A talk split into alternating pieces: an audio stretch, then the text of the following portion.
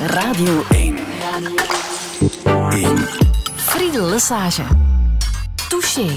Touché met Leen de Sien. Goedemorgen. Goedemorgen. Hoogleraar sterrenkunde aan de KU Leuven en net terug uit de Atacama-woestijn, denk ik, hè? in Chili? Nee, nee. Niet helemaal. niet helemaal. Wel in Chili, maar ik zat deze keer meer in het zuiden, in Puerto Varas. En wat heb je daar precies gedaan? Er was een conferentie over sterrenkunde, over astrochemie binnen de sterrenkunde. En daar mocht ik een grote keynote lecture geven. En ondanks wat je ziet, de fysieke beperkingen momenteel, ben ik daar naartoe geweest. Ja, en wat heb je daar precies verteld? Ik heb daar proberen uit te leggen uh, wat we hebben geleerd over winden, sterrenwinden bij oude sterren. Want sterren die worden geboren en die gaan dood. Veel mensen beseffen dat niet. Maar ook onze zon zal ooit doodgaan. En als ze doodgaan, dan verliezen ze heel veel materie via een wind. Dus een wind die echt materie in het medium, in het interstellair medium werkt. En daarover heb ik uh, een lezing mogen geven. Ik noemde even de Atacama-woestijn, omdat daar toch wel effectief een prachtige sterwacht is. Hè? Ja, in, uh, dus inderdaad, de resultaten die ik heb gepresenteerd waren met gegevens, waarnemingen van de ALMA-telescoop. En de ALMA-telescoop zit in de Atacama-woestijn. Dat zijn de 66 telescopen die samenwerken en het is heel mooi om te zien. Het is mooi omdat je enerzijds hebben die 66 telescopen, ik ben daar ook geweest, die als ze bewegen, zich ergens naartoe richten, doen die dat allemaal samen. Het lijkt op als een dans. Ja? En het is ook heel mooi omdat je in die woestijn zit op 4500 meter hoogte. Zonder veel lichtpollutie om naar de sterren te kijken? Ja, maar ook met weinig zuurstof. Dus je moet daar, als je daar rondloopt, leer je wel dat je zuurstofles nodig hebt. Echt? Ja, dus je hebt dat niet door. Je bent daar en je denkt, va, ik heb een beetje hoofdwijn. Totdat ze u verplichten om zuurstof bij te dus nemen. wetenschappers lopen daar rond met een zuurstofmasker? Er zijn een aantal die daar... Nee, er zijn een aantal mensen die daar toch iets makkelijker gewoon aan worden als je daar lang bent. Raak je gewoon aan minder zuurstof. Wij die daar maar zo nu en dan eens zijn, hebben die extra zuurstof wel nodig. Een bizar beeld waarschijnlijk. Wel, als ik dat toon aan kinderen of zo, als ik uitleg ga geven, dan denken die altijd van... Mm, wat doe je daar? Want dan heb je zo'n flesje bij je. Het lijkt, ja, ja. is een klein flesje. Net terug om Pasen te vieren vandaag. Hè? Hoe ga je dat doen? Met de familie. Dat doen we altijd met de familie. Dus de beide grootouders wonen in West-Vlaanderen. En die bezoeken we allebei vandaag. Hoe zou jij jezelf omschrijven? Ik ben eerder een rustig iemand. Hè. Ik, ben, uh, ik praat nu wel tegen jou, maar op zich ben ik redelijk stil en introvert. Ja. Ik ben een denker. Ook een doener, maar meer een denker dan een doener. Sportief, maar nu even niet. Ja. ja. want je ligt een been in een brace, als ik dat zo mag omschrijven. Geopereerd. Ik ben uh, zeven weken geleden geopereerd aan mijn kruisbanden. Die zijn gescheurd door een ski-ongeval begin januari. En dus nu zit ik hier met een lange revalidatie voor de boeg. Hele lange revalidatie. Ja, negen maanden tot een jaar. Dus, Frustrerend? Uh, ja. Ik ben iemand die heel graag loopt. En fitness tussendoor, maar het fitnessen is eerder een, um, een ondersteuning om goed te kunnen lopen. En ik heb dat lopen ook nodig om tot rust te komen en ook vaker na heb ik heel veel goede ideeën. Zo het, het beeld van het te douchen na het lopen klopt ook wel. En nu kan ik dat niet. En ik voel dat mijn lichaam smacht naar wat fysieke uitdaging. Maar ik zit hier in die brace voor nog een hele lange tijd. Ja. En ik kan het nu niet doen. Ja, dat wordt even afwachten, hè? geduld oefenen. Ja, dat is een nieuwe uitdaging. Ook iemand met weinig oriëntatievermogen, las Hoe ik. Weet is jij dat dan? niet vreemd voor iemand die uh, gespecialiseerd is in de sterrenhemel? of is het net daarom, omdat je zo wil omhoog kijkt, dat je je oriëntatie verliest? Nou, wel, het is, uh, het is typisch iets voor mij. Ik heb nul oriëntatievermogen, dus ik weet ongelooflijk goed waar Noord, Oost, Zuid, West staat natuurlijk. Ik kan heel goed kaart lezen als het op het fysieke kaartlezen aankomt. Maar zet me op een plaats spontane weg terugvinden kan ik niet. Ja. En ook het, het verwarrende, wat dat veel mensen niet weten, is... Wij hebben Noord, Oost, Zuid, West. We weten dat aan de hand van de windroos. Maar als ik kijk naar um, beelden, sterrenkundige beelden, dan loopt het net omgekeerd. Omdat je naar boven kijkt, hebben wij Noord, Oost, Zuid, West. Dus in de omgekeerde richting van Ah. eigenlijk uw windroos. Dus als iemand zegt tegen mij Oost, dan denk ik altijd op aarde. Dan moet ik even langs die kant gaan denken. En. Dus het is omdat je, je hebt inderdaad die combinatie van de aardse oriëntering en dan ook die in de lucht. Ja. Wat is jouw levensmotto?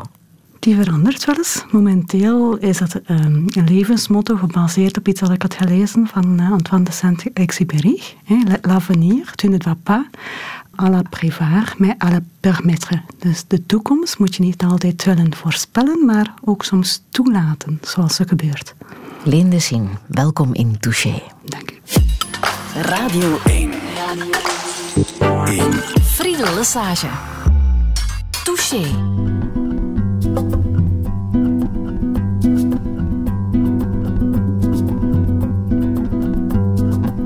If the stars were mine, I'd give them all to you.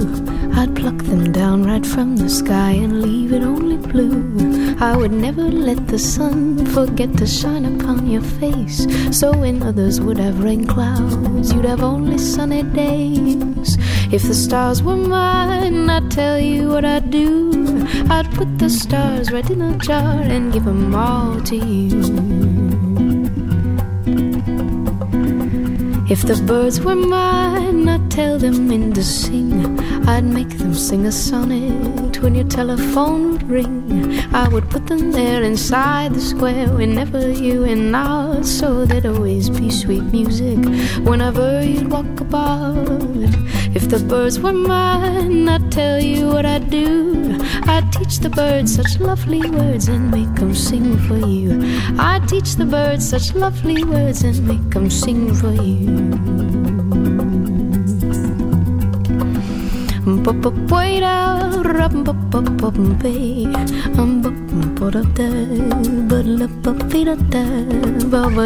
da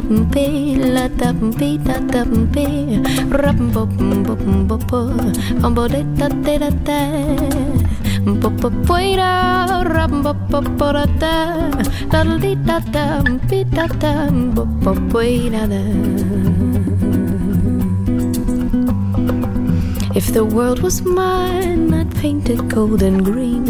I'd make the oceans orange for a brilliant color scheme.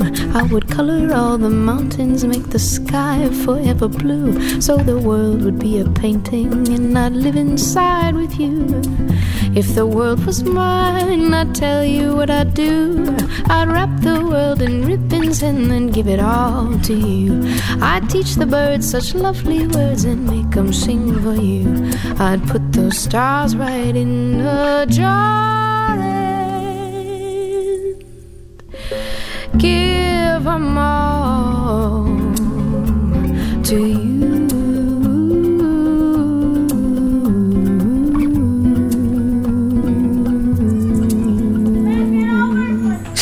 Hebben muzikanten ook altijd geïnspireerd. Melody Gardot was dit met If the Stars Were Mine. Misschien wel een van de mooiste nummers die ooit over sterren is geschreven, Leen de Zin. Ja.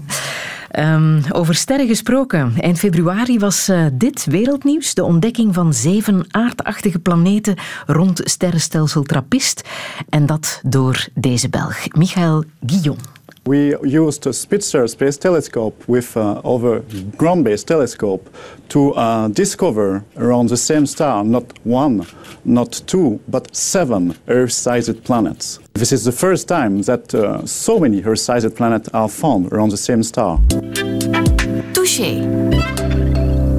In het Engels, maar het is een Waalse collega van jou, hè, Michael Guillon, die uh, jij zelf al hebt omschreven als um, Planet Hunter. Ja. Dat doet hij echt. Ja, is iemand die echt planeten zoekt. Ja, en hij heeft er gevonden, hè? Ja, Zeven wel te verstaan. Uh. Wel, er zijn er al een paar duizend ontdekt. Ja. Maar hij heeft nu zeven aardachtige. En daar, zit, daar moet de klemtoon op, op gelegd worden, aardachtige. En wat is er zo bijzonder aan aardachtige planeten? Oké, okay. dus in ons eigen zonnestelsel hebben we ook we hebben vier aardachtige planeten. Mercurius, Venus, Aarde, Mars. En dan vier gasreuzen. Jupiter, Saturnus, Uranus, Neptunus. En dus die aardachtige planeten hebben eigenlijk een korst op de oppervlak. Ja, dat is heel goed als je denkt aan natuurlijk het vormen van leven. En dan natuurlijk binnen die... Dus hij heeft er zeven ontdekt. Denk maar aan ons eigen zonnestelsel, hebben er maar vier. Van die zeven zitten er drie in wat we de bewoonbare zone noemen. De bewoonbare zone definiëren we heel eenvoudig als een zone waar het niet te warm en niet te koud is, zodat water vloeibaar kan blijven. Dat vloeibaar water is een, een conditie waarvan dat we weten die heel belangrijk is om leven te kunnen ontwikkelen. Het is een soort katalysator. Zonder water lukt het ook, maar ongelooflijk veel moeilijker. En van die zeven bij Trappist 1 zitten er drie in de bewoonbare zone. Bij onze eigen zon hebben er maar twee. Aarde en Mars zitten in die definitie van de bewoonbare zone. Dus uiteindelijk heb je daar al drie, wij twee, vanuit zeven, hier vier aardachten. Dus je ziet direct een heel rijk planetenstelsel die je ja. Maar afgelopen week waren er uh, Hongaarse um, onderzoekers die uh, de bevindingen wat in twijfel hebben getrokken. Nee, hè? dat is niet zo. Dus dat hebben we al van in het begin gezegd, is van inderdaad... Drie daarvan zitten in die bewoonbare zone, maar dus die drie sterren, of die drie planeten, zijn ontdekt bij een heel koude ster. En die koude ster weten we al wist wel heel lang, is een ster die heel veel UV-fotonen uitstuurt. Ook onze zon doet dat. Hè. Dus mensen weten wel dat soms, bijvoorbeeld bij de vliegtuigen, dat soms de navigatie wat kan verstoord worden door hoogenergetische uitbarstingen van de zon. Wel, die kleine koude ster, die Trappist 1, doet dat nog veel heviger. Nu, als je dan die fotonen hebt, die hoogenergetische fotonen, Denk maar, die komen af op zo'n moleculen die misschien leven wil vormen. Wel, dat kan ervoor zorgen dat die moleculen worden opgebroken. Dus we wisten al heel lang dat dat op zich geen zo'n vriendelijke ster is om leven te ontwikkelen. En dus die Hongaarse collega's hebben die nu ook nog eens bevestigd. Maar dat was iets wat we eigenlijk al van in het begin hadden gezegd. Het is niet... Dus binnen de definitie van bewoonbare zones zeggen we niet dat er daar allemaal leven op zit. Daar komt nog heel wat meer bij kijken leefbaar moet je misschien ook ja, heel concreet bekijken. Dat is zoals wij als mensen denken dat iets leefbaar is. Hè? Ja, ik ben blij dat je het zo zegt. Want inderdaad, binnen de discussie van wat is leven, zitten we natuurlijk altijd vanuit onze eigen denken, ons eigen menselijk denken van wat is leven. En we denken maar al te gemakkelijk aan een spiegel van onszelf. Hè? Maar volgens mij gaan we dat moeten veel ruimer denken. En we zijn er nog niet helemaal aan uit hoe ruim we daarin moeten denken. Ook omdat alle testen die we doen, worden één gestuurd door het menselijke denken en twee gebeuren in labos ontwikkeld door de mensen. Dus we zitten met een heel sterk, in het Engels zouden we zeggen, een sterke bias naar wat we daarvan verstaan. Omdat ik als mens, ik als waarnemer, bepaalde uitkomst en eigenlijk zouden we dat moeten kunnen loslaten. Maar hoe doe je dat? Je blijft jezelf, je blijft een mens. Ja. En hoe zou je dan mogelijk leven kunnen omschrijven op die zeven planeten rond uh, Trappist 1? Wel, dus de uh, wetenschappelijke community is daar niet over eens. Dus de definitie van leven heeft heel, je hebt heel wat definities. Vandaar, als je vanuit de astrofysica, dat is niet vanuit de biologie, vanuit de astrofysica houden we het momenteel bij aanwezigheid van vloeibaar water. Dat zoeken we. Mhm. En dan de biologie, dat is een ander paar mouwen. Mm hoe ver liggen die planeten van, van de aarde af? Want dat oh. is ook iets wat mensen bezighoudt. Hè? Kunnen we daar naartoe? Nee, we kunnen daar niet naartoe. Er ligt lichtjaren van ons vandaan. En een lichtjaar is eigenlijk de afstand dat het licht doet op één jaar. Dat zijn gigantische afstanden. Dus je kunt daar niet naartoe. Als je dat met de huidige technologieën zou doen, dan zijn we 20, 100.000 jaar onderweg. Dus we geraken daar niet zomaar. We zijn natuurlijk, men is bezig binnen heel futuristische projecten om misschien een soort satellieten te ontwerpen die veel sneller kunnen reizen dan wat we momenteel kunnen. Maar ook dan zouden we nog gemakkelijk 100, 200, 300 jaar onderweg zijn. Dat lijkt mij een beetje moeilijk. En dan zeg ik we, wat dat eigenlijk verkeerd is. Hè? Want veel mensen denken ook van oh, ze hebben die planeten, ze hebben er foto's van gemaakt. En dat klopt niet. We hebben nog van geen enkele planeet buiten degene in ons eigen zonnestelsel echte foto's gemaakt. Dus als je denkt dat we die in beeld brengen, dan, dan ben je verkeerd. Wat je dus van waar komt dan die beeldvorming? die beeldvorming komt eigenlijk vanuit wetenschappers die aan de hand van theoretische simulaties. Eigenlijk denk maar klimaatmodellen zoals hier op aarde, maar dan toegepast op exoplaneten. Proberen na te bootsen wat ze denken, hoe die planeten eruit zouden, er zouden kunnen uitzien. Exoplaneten, wat jij ook uh, bestudeert, uh, zijn de planeten die buiten ons zonnestelsel uh, draaien rond, rond andere sterren, mm andere sterren dan, dan de zon. Jij hebt zelf onderzocht op hoeveel planeten er leven is. Wat we hebben onderzocht is, we doen aan klimaatstudies. En die klimaatstudies zijn niet zo eenvoudig. Heel wat klimaatstudies starten eigenlijk van wat we weten op aarde. We hebben dat proberen los te laten. En we hebben nu proberen te zien van hoe zien die winden eruit en wat is dan ook de temperatuur op andere exoplaneten? En daaruit hebben we kunnen afleiden dat er toch heel wat andere windsystemen bestaan dan degene hier op aarde. En dat die ervoor zorgen dat die temperatuur toch gematigder is. En je hebt die gematigde temperatuur wel nodig om leven te kunnen ontwikkelen. En dat was een van de persberichten, ik denk van één of twee jaar geleden zoiets. Ja, maar dat betekent ook dat er veel meer uh, bewoonbare planeten zijn dan oorspronkelijk ja, als, als de simulaties correct zijn, is dat het juiste antwoord. Ja. Maar we spreken vanuit theoretische simulaties. Hè. Ik kan er niet dus naartoe niets is zeker. Nee, maar dat is ook wetenschap. Hè. In 2018 wordt er een satelliet gelanceerd. Uh, en dan blinken jouw oogjes al, want uh, de KU Leuven werkt daaraan mee aan die lancering Absoluut. van, van die satelliet. Um, wat gaat die precies doen? Wel, we spreken hier over de James Webb Space Telescope. Dus het is een satelliet met een spiegel, de grootte van 6 meter ongeveer. Die wordt de lucht ingeschoten eind 2018. En die heeft een aantal instrumenten aan boord. En één daarvan hebben we meegewerkt. Wat je dan hebt, is als je daaraan voorbereidt, krijg je eigenlijk als teruggave dat je een stukje van die waarnemtijd sowieso mag gebruiken. En die hebben vanuit de KU Leuven deels ingezet om te kijken naar die exoplaneten en om effectief te kijken naar die atmosferen die daar rondhangen en om zo te kunnen, hopelijk te kunnen zien of er bepaalde biosignaturen zijn. Dat zijn eigenlijk kleine signaaltjes die ons kunnen opwijzen of dat er bepaalde biologische processen zich hebben plaatsgevonden op die planeten. We gaan kijken naar Trappist 1, naar die planeten. En als je dan bijvoorbeeld ziet dat er een aanwezigheid is van methaan en van zuurstof en van ozon, de gezamenlijke aanwezigheid ervan kan u vertellen van ah, dat is niet iets die gevormd is van bij het ontstaan van de planeet, maar iets die later, achteraf is gevormd. Dus waarschijnlijk zijn er daar bepaalde biologische processen actief. En dat zou uniek zijn als we dat kunnen aantonen, dat er inderdaad biologische processen actief zijn. En waar wordt die satelliet gemaakt? Die is overgans de wereld gemaakt. Dus de stukken worden samengezet uh, vanuit verschillende labels. Dat wordt dan geassembleerd en zo samen de lucht in Ja. Dat is een en vanuit, uh, waar wordt de lancering gedaan? Uh, vanuit Frans-Guyana.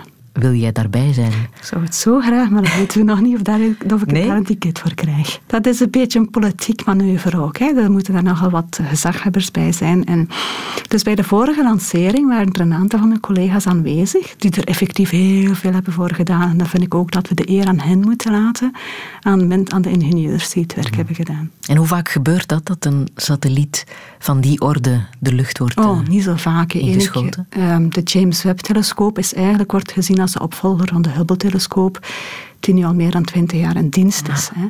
De vorige lancering, waar dat KU Leuven hard bij betrokken was, dateert al van 2010, zoiets. Dus het gaat maar om de tien jaar, laat het zoiets zeggen, mm. dat we een lancering hebben. Mm.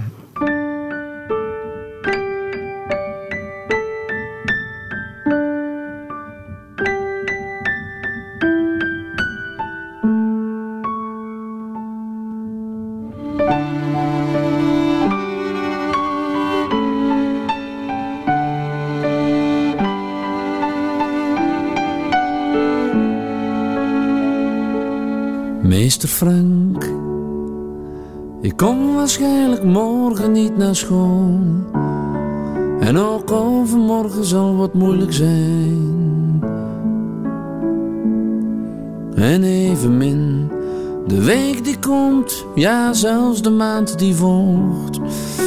De kans dat ik nog ooit verschijn is eigenlijk klein. Het is niet Meester Frank, omdat u mij zo vaak straft en mij één keer zelfs domkop heeft genoemd. Het is alleen iets hier van binnen. Het heeft geen zin dat ik ontken, meester Frank. Ik voel dat ik een ruimtevaarder ben.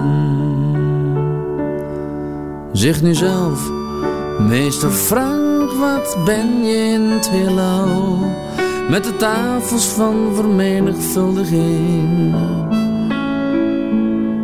Ook schoonschrift blokfluit spelen, woorden met DT. Dat snapt u toch, dat heeft op Mars geen zin. Het is dus zeker niet meester Frank, omdat u mij zo vaak straft. En mij voor de hele klas domkop heeft genoemd. En ook moet planeten gaan ontdekken. In de hoop dat daar iets leeft, meester Frank. Het is de plicht die elke ruimtevaarder heeft.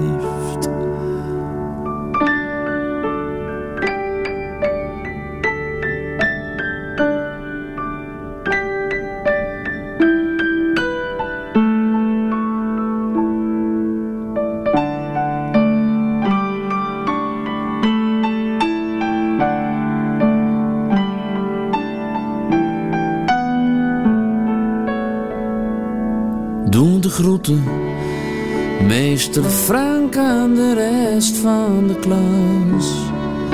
En zeg dat ik hen nooit vergeten zal. Geef mijn vulpen aan kleine Peter van de laatste bank. Hij blijft mijn vriend, al woon ik in het heelal. Zo Meester Frank, alles is zo wat gezegd. Vaarwel en dat het u nog goed mag gaan. En wat die kleinigheid betreft, dat u een domkop in mij ziet, meester Frank. Dat deert een ruimtevaart niet.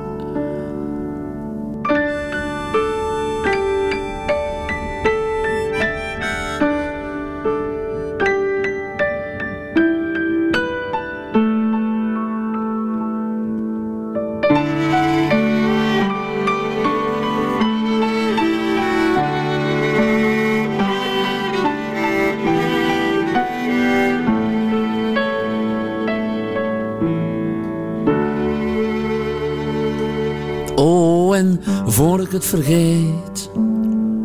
Linda van Slagerij van Gool.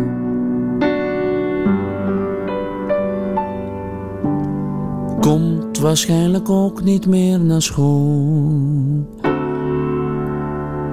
Met ruimtevaarder Leen de Sien. Waarschijnlijk een uh, nummer dat toch wel herkenbaar is uh, ja, voor jou. Ja, ja. ook niet, niet alles natuurlijk wat er in de tekst wordt gezegd. Maar wanneer is jouw passie voor uh, ruimte en heelal en de sterren begonnen? Pas aan de universiteit. Hè. Ik, ah, ja. Ja, ik heb lang getwijfeld als kind of als student of ik wiskunde of geneeskunde zou studeren uiteindelijk heel bewust gekozen voor wiskunde, omdat ik bang was dat ik me te veel het lijden van de mensen zou aantrekken.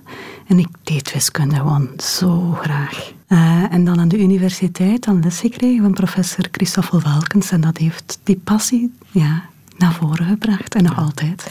Want je was nog niet geboren hè, toen Neil Armstrong de eerste stap op de maan zette in 1969. maar het wel heroïsche beelden. Hè. Ja? Werd daar bij jullie thuis over gepraat? Uh... Ja, en het blijft, ja, toch wel. En het blijft, ik gebruik het ook heel vaak als ik les ga geven aan, aan lagere middelbare school. Nog altijd spreekt het zo tot de verbeelding. Dan zeg ik wel van ja, van 69 en ik was er zelf niet bij en dan toon ik die fragmenten. En die kinderen, ja, iedereen toch. Hè? Ik ken het vanuit de verhalen van mijn grootouders. Die hadden toen zelf een zwart-wit televisie. Als enige in Ardooien. Zoveel mensen die er in die kleine living pasten, die kwamen kijken. Dat moet toch gigantisch zijn ja. geweest. S'nachts naar die televisie om daar naar te kijken. Daar was ik graag bij geweest. Ja. Uit wat voor uh, gezin uh, kom jij? Uit een klassiek gezin. Hè. Mijn twee ouders die gaven les in de lagere school. En ik had, uh, of ik heb nog altijd gelukkig, een oudere broer, Bart, en een tweelingzus, een een eigen tweelingzus, Greet. Hoe was dat om je jeugd door te brengen met een een-eigen tweelingzus? Ook wel bijzonder, hè? Ja, het is bijzonder, maar je weet ook niks anders. Hè? Ik heb geen vergelijkpunt met het ene leven ten opzichte van het andere leven. Wat we wel weten is dat we op een bepaald moment het wel moeilijk hadden omdat we allebei onze eigen identiteit houden ontwikkelen. En net zoals ik zelf is mijn zus ook heel wiskundig georiënteerd. Ze heeft ook sterrenkunde gestudeerd. Dus als je dan al zo hard op elkaar lijkt, is het niet zo evident om je eigen identiteit te ontwikkelen. Ook omdat mensen op een bepaalde manier ook geen moeite deden om ons uit elkaar te halen. We leken hard op elkaar. Greet en Leen, die namen leken op elkaar. Dus de mensen spraken van de tweeling. En hebben jullie zelf een strijd geleverd? Ja, ja, ja, er is een strijd geleverd. Niet dat de buitenwereld dat zag. Nu komen we heel, heel, heel goed overeen. Maar er zijn periodes geweest dat we toch elkaar, dat we toch wel afzetten ten opzichte van elkaar. Waarover ging dat dan? Ja, we hebben dat bewust en onbewust gedaan. We hebben bewust, um, ik heb Latijn gedaan, dus dat heeft moderne gedaan, om niet meer in diezelfde klas te zitten zodat ook de ouders geen vergelijkpunt meer hadden. om ook eigen vriendinnen te hebben die de andere zus dan niet had. Dat zijn bewuste dingen. Onbewust ben je daar ook mee bezig. En nog steeds hoor, moet je daar toch soms mensen op attent maken. We wonen beide in Leuven. Mensen zien het wel nu al iets beter fysiek dat we anders zijn. Maar we zijn toch niet elkaar. We zijn onszelf. Wie was de eerstgeborene? Mijn tweelingzus. Greet is vijf minuten voor mij geboren. En mijn ouders wisten op dat moment twee weken dat, uh, dat zijn verwachting waren van een tweeling. Kun je niet voorstellen. Nee, Twee weken en dan weet je dat er twee aankomen. We zijn ook zes weken te vroeg geboren. Hè? Op 6 december, op Sinterklaas. Dus toen mijn papa het nieuws zou vertellen aan de buren, toen geloofden ze hem niet, want niemand wist dat er twee opkomsten waren. Ja, met vijf minuten verschil. Vijf minuten verschil, ja. Is dat op een of andere manier voelbaar? Oh, nee. Ja, nee, soms maken ze daar wel grapjes over, want ik ben de eerste of ik ben de oudste. Ik ben vijf minuten ouder Ja, ze is altijd iets iets zwaarder geweest dan mij en nog steeds. Dat hele kleine verschil is gebleven. Ja. Uh, maar anders zijn er weinig verschillen. Maar aangezien ze niet voorbereid waren op jouw komst, eh, mhm. hoe ging dat dan toen je er effectief was? Ah, een van de dingen die ik wel weet is dat mijn ouders geen twee namen hadden. Dus ze hadden één naam, Greet, en ze hadden nog geen naam voor een tweede. Ze wisten ook niet wat de jongen of een meisje ging zijn natuurlijk. Thuis heb ik zo het kleine bandje nog ja, zoals nog steeds kregen we dan ook toen zo'n klein bandje rondom uw arm waarop ja. uw naam stond. En bij mij stond erop de zin nummer twee. Dus ik had nog geen naam. Dus die naam is pas een paar dagen later erbij gekomen. Ja. Hoe is de relatie nu met, uh, met heel goed, Heel goed, ja. Wij komen heel goed overeen. En de levens zitten nog altijd heel dicht op elkaar, hè? Ja. Heb ik mij laten vertellen. Hoe weet je dat? ja, ja, ja. Dus mijn zus eh, woont in, in Leuven ook tien kilometer van bij ons, dus we, zien elkaar wel geregeld. Ja, dat klopt, en de mannen zijn zeer goed bevriend met elkaar. Ja, dat is juist. Dat zijn en twee allebei drie kinderen allebei drie kinderen. Zij heeft twee meisjes en een jongen. Wij hebben drie meisjes. En die komen heel goed met elkaar overeen. Ja, ja omdat wij, ik, soms zeggen de nichtjes of neefje tegen mij van, oh, je zegt wat dat mijn mama ook zegt. Als je zegt dat je getwijfeld hebt om eventueel geneeskunde mhm. te gaan doen, was dat van thuis uit ook meegegeven? Uh, die interesse voor de zorgsector? Ja dus, ja, dus mijn ouders stonden niet vanuit beroepshalve, maar ik heb uh, ouders die heel sterk sociaal geëngageerd zijn en wa waren en zijn nog altijd, met een sterke zorg voor mensen uit de derde en de vierde wereld. Dus als kind weet ik dat die discussies thuis gaande waren ook heel vaak met ons papa meegeweest om mensen te gaan helpen, letterlijk. En dan krijg je ook die gevoeligheid daarvoor. Ja. En wat deden jullie dan precies als jullie mensen gingen helpen? Oh, mijn papa is bij vluchtelingen gaan helpen als kind om daar te begangen, om mensen taal Nederlands te leren. Wij liepen daar mee, wij hielpen zo goed en zo kwaad als we konden. We gingen kleren gaan ophalen. Ja, zoals ja, de kleine dingen die toch het leven van een aantal vluchtelingen konden helpen. Dat is nu nog voelbaar in, in jouw leven? Ja, je draagt dat mee. En dus die zorg, die hoop ik ook nog steeds soms op, wel op kleiner schaal te kunnen geven aan mensen rondom mij. Ja.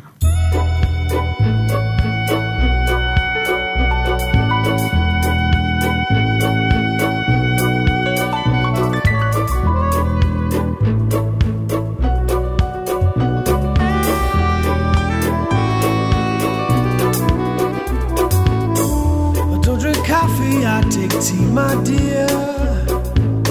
I like my toast on one side. You can hear it in my accent when I talk. I'm an Englishman in New York. You see me walking down Fifth Avenue, walking cane here at my side.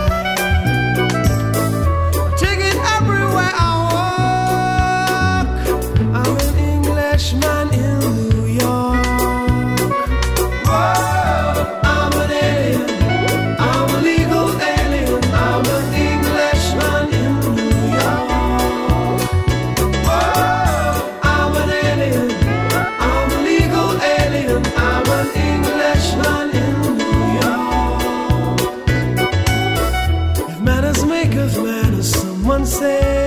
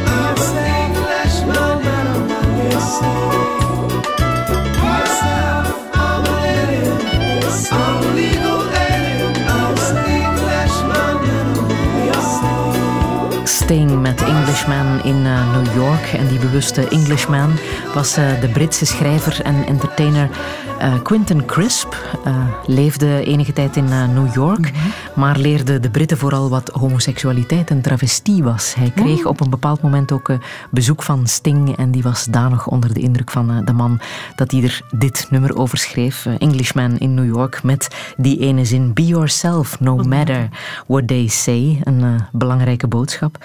Leen de Sint is ook iets wat jou eh, bezighoudt. Hè? De wereld eh, die opgedeeld is tussen mannen en vrouwen. Ja, en een wereld waarin dat je op een bepaalde manier zou moeten inpassen. Hè? Dus inderdaad, die zin van be yourself. No matter what they say. Zij is... Ik word wel, als, ik zit in een, inderdaad als vrouw zit ik in een mannenwereld. Dat is heel duidelijk. Ehm, we zitten aan de universiteit of bij de hoogleraren. Tussen de 15 en de 25 procent zijn we met vrouwen. En bij ons is het 15, 17 procent. En dat ben ik normaal. Ik, denk daar heel zelden over na. Maar ik voel wel dat eh, mijn kinderen daar soms opmerkingen over krijgen. Van, oh, is iemand een professor? En dan, dan zie ik er niet zo uit als een professor. En ik werk fulltime, wat niet altijd evident is. Dus wat keuzes inhoudt. En dus het feit dat je inderdaad in een bepaalde aparte sector werkt... En dat er dan eigenlijk vanuit de samenleving ook bepaalde eisen aan jou worden gesteld, is toch niet altijd evident. En je moet als vrouw inderdaad ook binnen bepaalde vergaderingen uw mening zeggen, blijft nog altijd soms moeilijk. En dat is, ik kreeg, kreeg onlangs nog van iemand de raad, de raad om, Leen, dat is een heel goed idee, maar weet je wat je beter doet? Zeg dat vooraf eens aan een oudere, mannelijke collega. Laat hem dat maar voorbrengen op de vergadering. En je hebt meer kans dat het slaagt. En dan stijger ik. Waarom moet ik dat doen? En ik wil het ook niet doen. Maar dus ben er heel zeker van. En heel als ook selectiecommissies is men al heel sterk bewust van ergens die bias of die bij het maken van keuzes, maar onbewust zit het er nog zo hard in en dat krijg je er zo moeilijk uit. Zullen we er ooit in slagen om die beeldvorming uh, te doen verdwijnen? Ik denk dat de media daar een heel belangrijke rol in speelt. Mm -hmm. Ik kijk heel zelden televisie, dat weten de mensen. En voor een deel komt dan dat ik me vaak erger aan hoe vrouwen in beeld worden gebracht. Ja. Te seksistisch. Ja, zo heb ik het u gezegd. Ja, ja. ja. Ja, en dat is iets waar ik me niet in herken en waar ik hoop dat veel andere vrouwen zich ook niet in herkennen. Mm. Als je kijkt naar, nogthans, programma's die fijn kunnen zijn, maar die opgevrolijkt worden door opmerkingen, seksistische opmerkingen naar vrouwen toe. En blijkbaar moet dat leuk zijn en lachen mensen daarover. Maar het, het zegt me niks en ik stoor me er heel hard aan. En als de, de media beseft, veel mensen ja, zijn heel sterk bezig of krijgen, worden ook hard beïnvloed door wat de media zegt, wat ze zien op de televisie, wat ze horen, denken dat dat ook de spiegel is van een volmaakte maatschappij. En zolang de media inderdaad die stap, niet, die stap blijft zetten van vrouwen op een bepaalde manier in beeld te brengen, ja, krijgen automatisch diezelfde spiegelvorming in onze maatschappij. Dus zolang vrouwen inderdaad als, als seksobjecten naar voren worden gebracht, of maar binnen bepaalde functies. Binnen jobbeschrijvingen die heel vrolijk worden aanzien, als die maar zo op die manier in beeld worden gebracht, ja, dan ga je dat automatisch bewust en onbewust zien in de mensen. Nochtans, ik heb eens gecheckt hoeveel vrouwelijke sterrenkundigen er in de geschiedenis zijn geweest. Dat zijn er behoorlijk wat, hè, met grote namen. Hè? Ja, er zitten er bij. Een van de mensen, bijvoorbeeld Cecilia Payne en zo. Maar je moet ook weten hoe die vrouwen zijn gestart. Hè. Die vrouwen waren vroeger de rekenaars van de mannen. Hè. Die kregen geen vaste baan. Die moesten rekenen voor de mannen. En de mannen die waren dan degene die het resultaat naar voren brachten. Ja. En Cecilia Payne is een van die vrouwen die heel mooie inzichten, heel belangrijke inzichten naar voren heeft gebracht over hoe sterren worden geboren en doodgaan. En dat je dat dan kunt zien aan bepaalde waterstof- en heliumlijntjes. En die ongelooflijk knap was. En maar die zo heeft moeten vechten om uiteindelijk een vaste baan te krijgen. Zoals ook de eerste vrouw die professor werd aan Harvard Observatory. Dan ook de eerste vrouw die departementsvoorzitter was. Dat was iets. Maar dat is van de jaren 1900. Hè. Nu, in dat lijstje van grote vrouwelijke sterrenkundigen, daar sta jij ook tussen, hè? Denk ja, ja, ja, daar stond je in ieder geval tussen. Als ontdekker van waterdampen in de koolstofster CW Leo, of CW Leonis, ehm, was eh, een zevental jaar geleden. Hoe belangrijk was die ontdekking?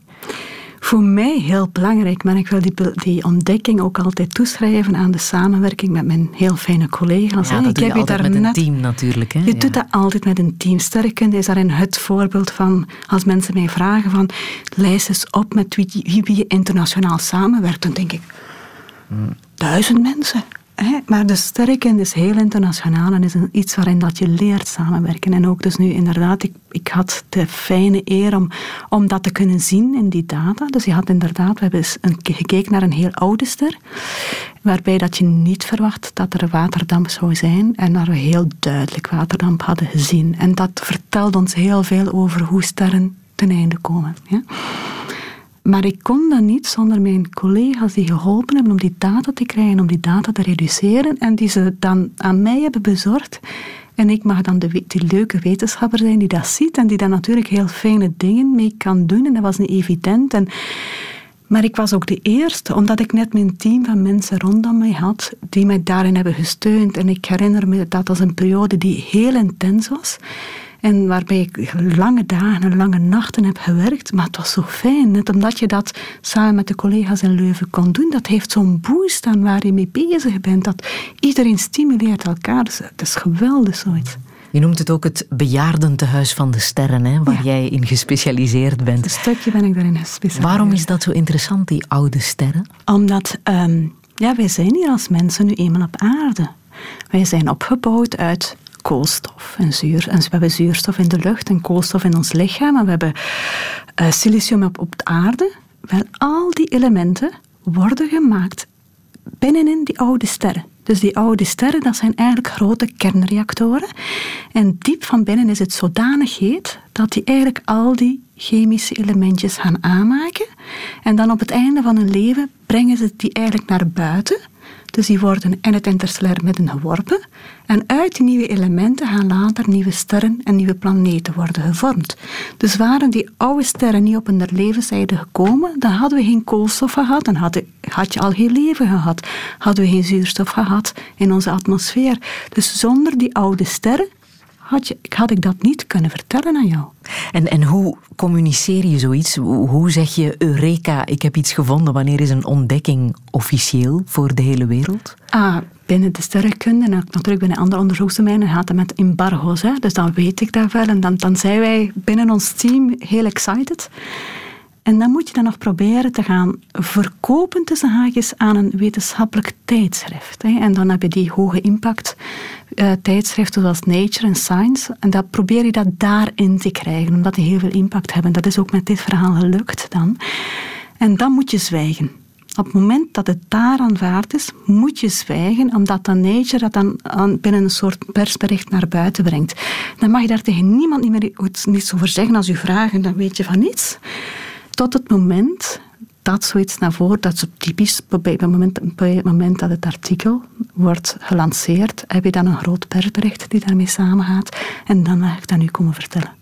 Bijzonder is dat de interesse voor ruimtevaart eerder bestond in, uh, in de literatuur dan, dan in werkelijkheid. Hè? Ja. Er werd al geschreven door Jules Verne uh, over uh, de ruimte in fantastische verhalen die nog niet eens bewaarheid waren.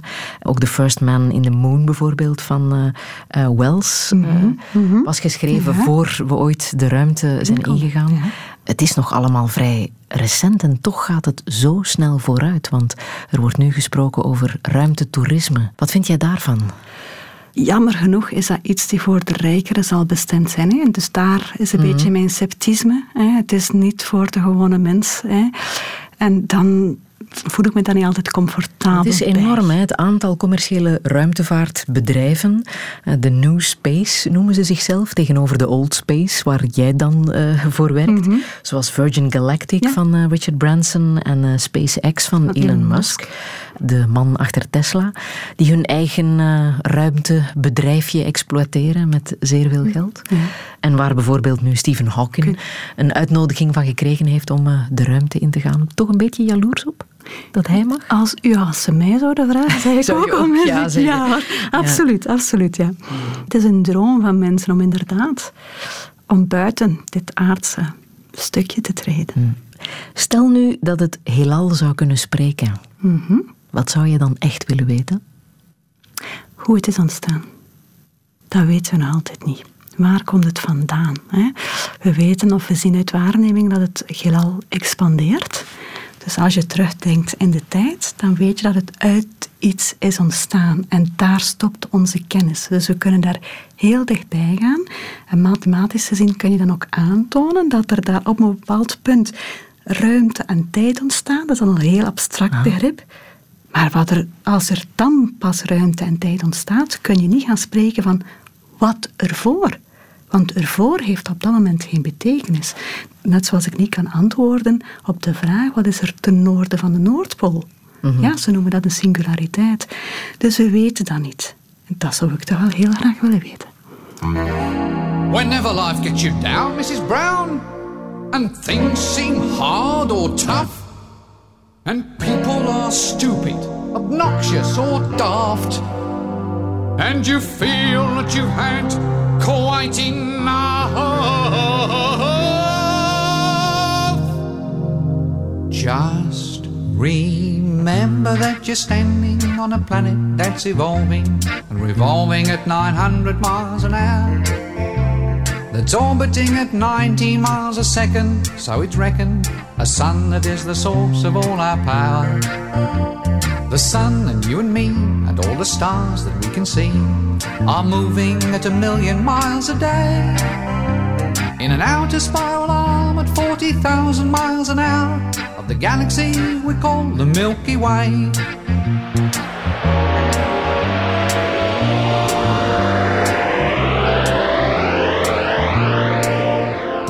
Our galaxy itself contains a hundred billion stars. It's a hundred thousand light years side to side. It bulges in the middle, 16,000 light years thick, but out by us it's just 3,000 light years wide. We're 30,000 light years from galactic central point. We go round every 200 million years. And our galaxy is only one of millions of billions in this amazing and expanding universe.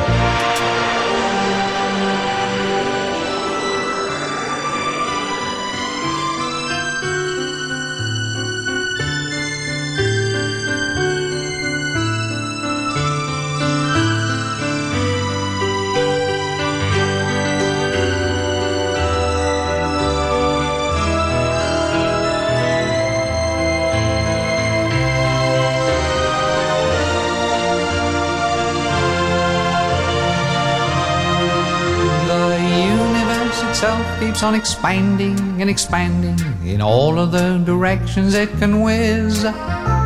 As fast as it can go, at the speed of light, you know.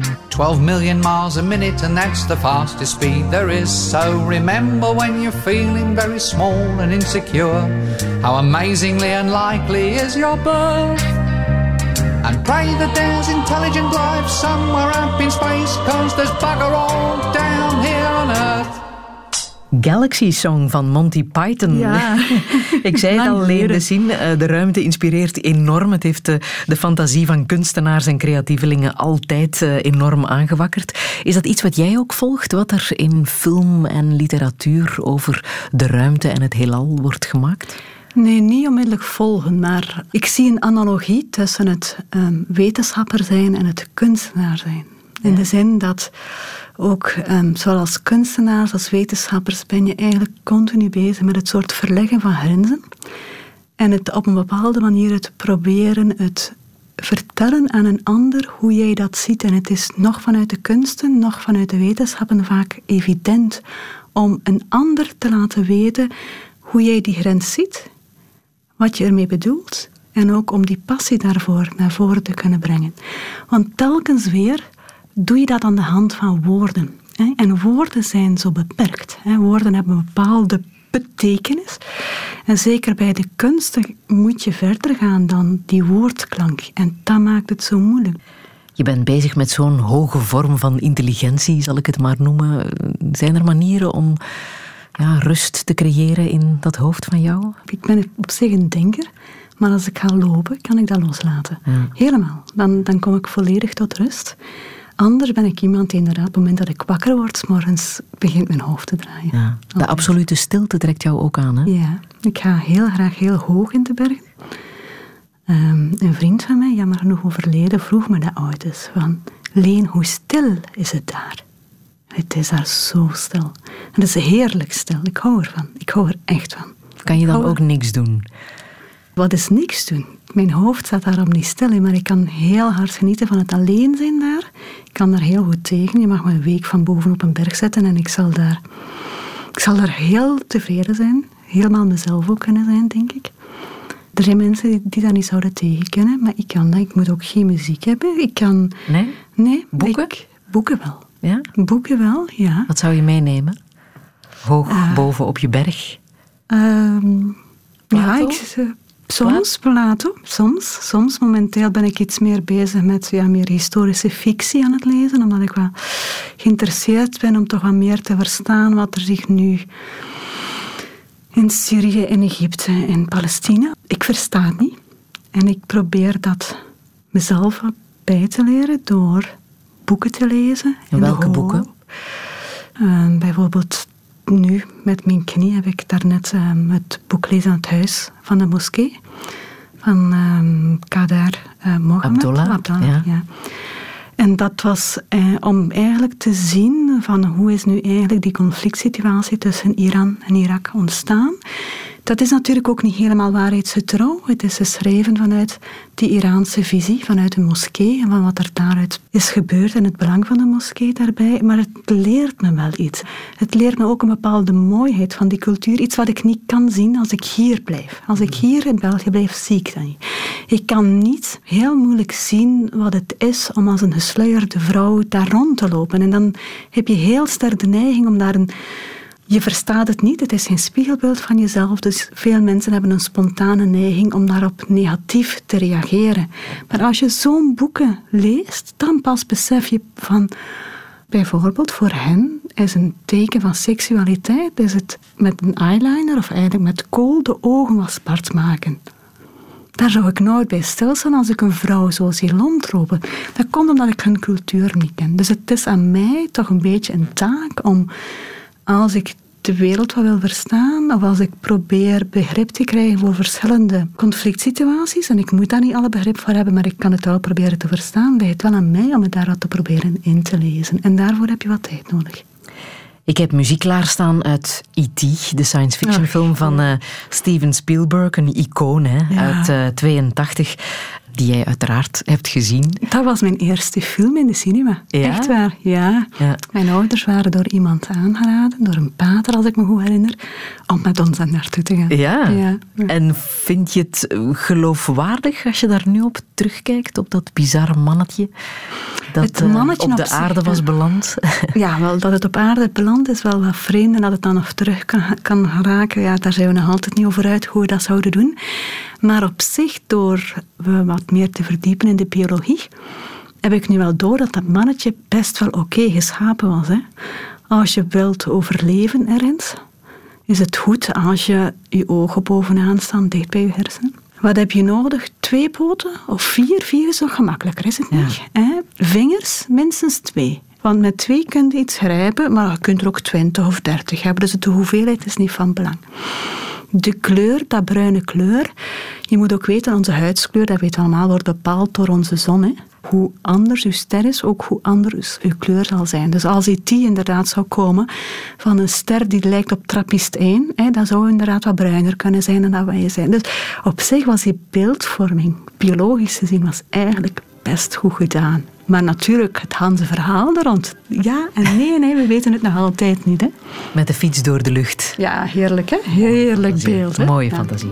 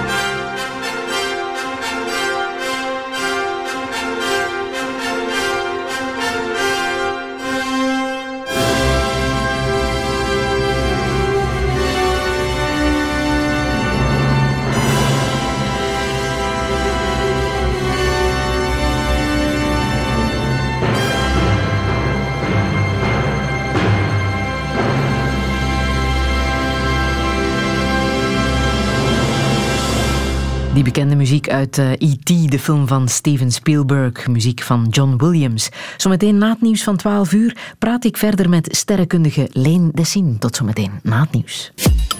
Radio 1. 1. Friedel Lesage. Touché. Touché met sterrenkundige Leen Dessin. Ze is net terug uit Chili, waar ze een lezing gaf aan de meest fascinerende sterrenwacht ter wereld. Hoewel de eerste maanlanding plaatsvond ver voor haar geboorte, raakte ze gefascineerd door alles wat zich in het heelal afspeelt. Net als haar een-eigen tweelingzus, die, net als zij, ook sterrenkunde studeerde. Hoewel de ruimte veel kunstenaars inspireert, vindt zij vooral rust in de stilte en in de sport. Vooral kilometers lang lopen voert haar naar andere dimensies. We kunnen dromen over een nieuw leven in de ruimte, maar wat vindt ze van de gang van zaken op aarde? Het alomtegenwoordig terrorisme en de steeds pijnlijker wordende vluchtelingencrisis. Welke betekenis heeft Pasen voor haar en waarin gelooft ze? Dit is Touché met Leen Tessin. Dan niet feestgeld aan iets ondernomen uit die feestgeld. Of het was ons niet overkomen, niemand het geweld. Want het belang aan, belang doet aan, belang doet allemaal aan. Maar hoe moet je eraan beginnen? En moet het ook maar?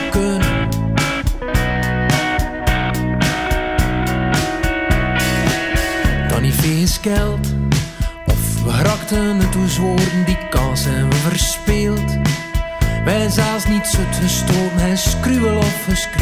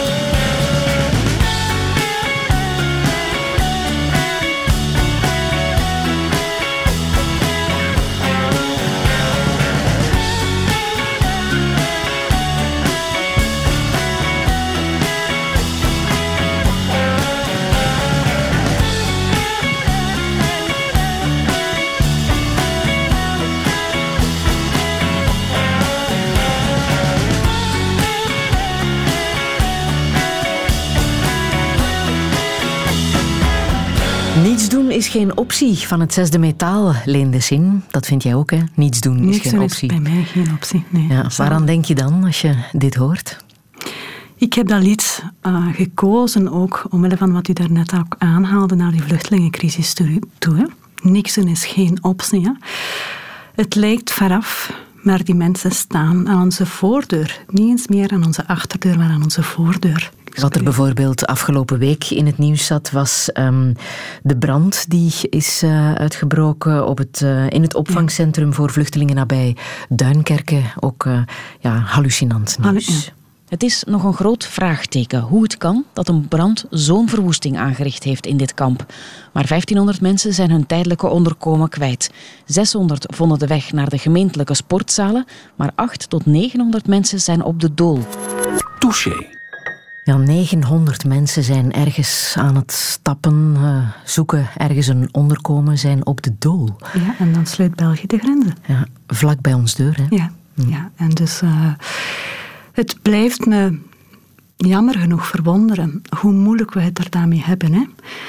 Want uh, nu natuurlijk, ik woon in Leuven, daar hebben we toch een redelijke vluchtelingenpopulatie.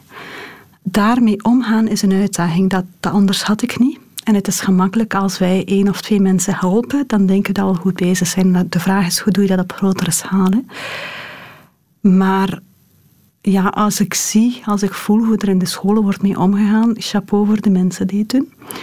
Maar anderzijds, als ik ook voel hoeveel bij mensen rondom ons, bij vrienden, hoeveel schrik er toch ook is voor iemand die de taal niet spreekt, dat is jammer. We staan niet open voor de mensen die rondom ons wonen. We, staan, we zijn geen wereldburgers. We denken aan huisje, tuintje, boompje en komt er daar iets vreemds bij, een andere boom, dan zijn we bang. Maar waarvoor zijn we bang? We kunnen niet definiëren waarvoor we bang zijn. Maar als we het al niet kunnen definiëren, moeten we dan ook zo bang zijn voor die arme vluchteling die erbij komt? Komt daarin ja, de ware mens naar boven in heel die vluchtelingencrisis en hoe we ermee omgaan? Ja, maar die ware mens kan zich voor een stukje verstoppen omdat we de andere medemens niet kennen. Hè. Daarnet hadden we het over het krijgen van een naam bij de geboorte. Waar jij eventjes hebt moeten op wachten. Ja. Wegens uh, een tweede van een tweeling die niet helemaal voorspeld was. Maar als zo'n vluchteling, als hij een naam krijgt voor jou, dan voel ik dat die um, verbondenheid onmiddellijk een stuk groter wordt. En zo'n naam krijgen is natuurlijk gemakkelijker als dat gebeurt in een kleine gemeenschap. Hè. Ik voel dat bij mijn schoonouders ook. Die wonen in Dadizelen. Die, die engageren zich heel hard voor één Syrisch gezin die daar is toegekomen. Dat is heel mooi om te zien. Dat is één gezin. In Leuven hebben we heel wat meer gezinnen. Maar die mensen hebben een naam voor hen. Die mensen hebben ook een naam voor mijn kinderen. Dus mijn kinderen die um, afgelopen week in Dadizelen waren, zijn met die kinderen gaan spelen. Die hebben bij ons speelgoed en kleren uitgezocht om die te geven. Wel, dat helpt. Het krijgen van een naam. En dan vaak voelen mensen zich gefrustreerd en zeggen ze, we kunnen het toch niet veranderen. Nee, ik ga niks kunnen veranderen in het Syrische conflict. Maar ik kan misschien het leven veranderen van een aantal mensen. Wel, is dat geen mooi gegeven? Mhm. Zeker vandaag met Pasen. Ja, en het begrip natuurlijk ook wel, hè, voor wat er precies uh, aan het gebeuren is. Want je krijgt ook een levensgeschiedenis hè, van die mensen. Van, mhm. Wat is er daar gebeurd? Je hoorde het uit eigen mond. Welke gruwels zijn er daar gebeurd? Hoe zijn die mensen gevlucht? Als we dat uit eigen mond horen, spreekt het altijd veel meer aan dan als iemand ons dat vertelt via de media. Dan moet ik denken aan het uh, zevenjarige meisje uit uh, Syrië, Bana mhm. al-Abed, om uh, haar naam ook meteen te noemen, die via Twitter laat weten wat ze denkt over alles wat in haar land gebeurt. Um, toen ze vorig jaar uit Aleppo werd geëvacueerd, zei ze dit. I would like to thank you um, for supporting the children of Aleppo and help us to get out from war. Ja, ze bedankte de mensen die haar hadden uh, geholpen om uit uh, Aleppo te vluchten, samen met, uh, met haar gezin. Um, nu keurde ze de aanval van Amerika op Syrië goed. Ze heeft Donald Trump bedankt voor de aanval op haar land. Dan wordt zo'n verhaal ineens concreet, hè? Ja, ja, ik zou daar nu iemand voor bedanken.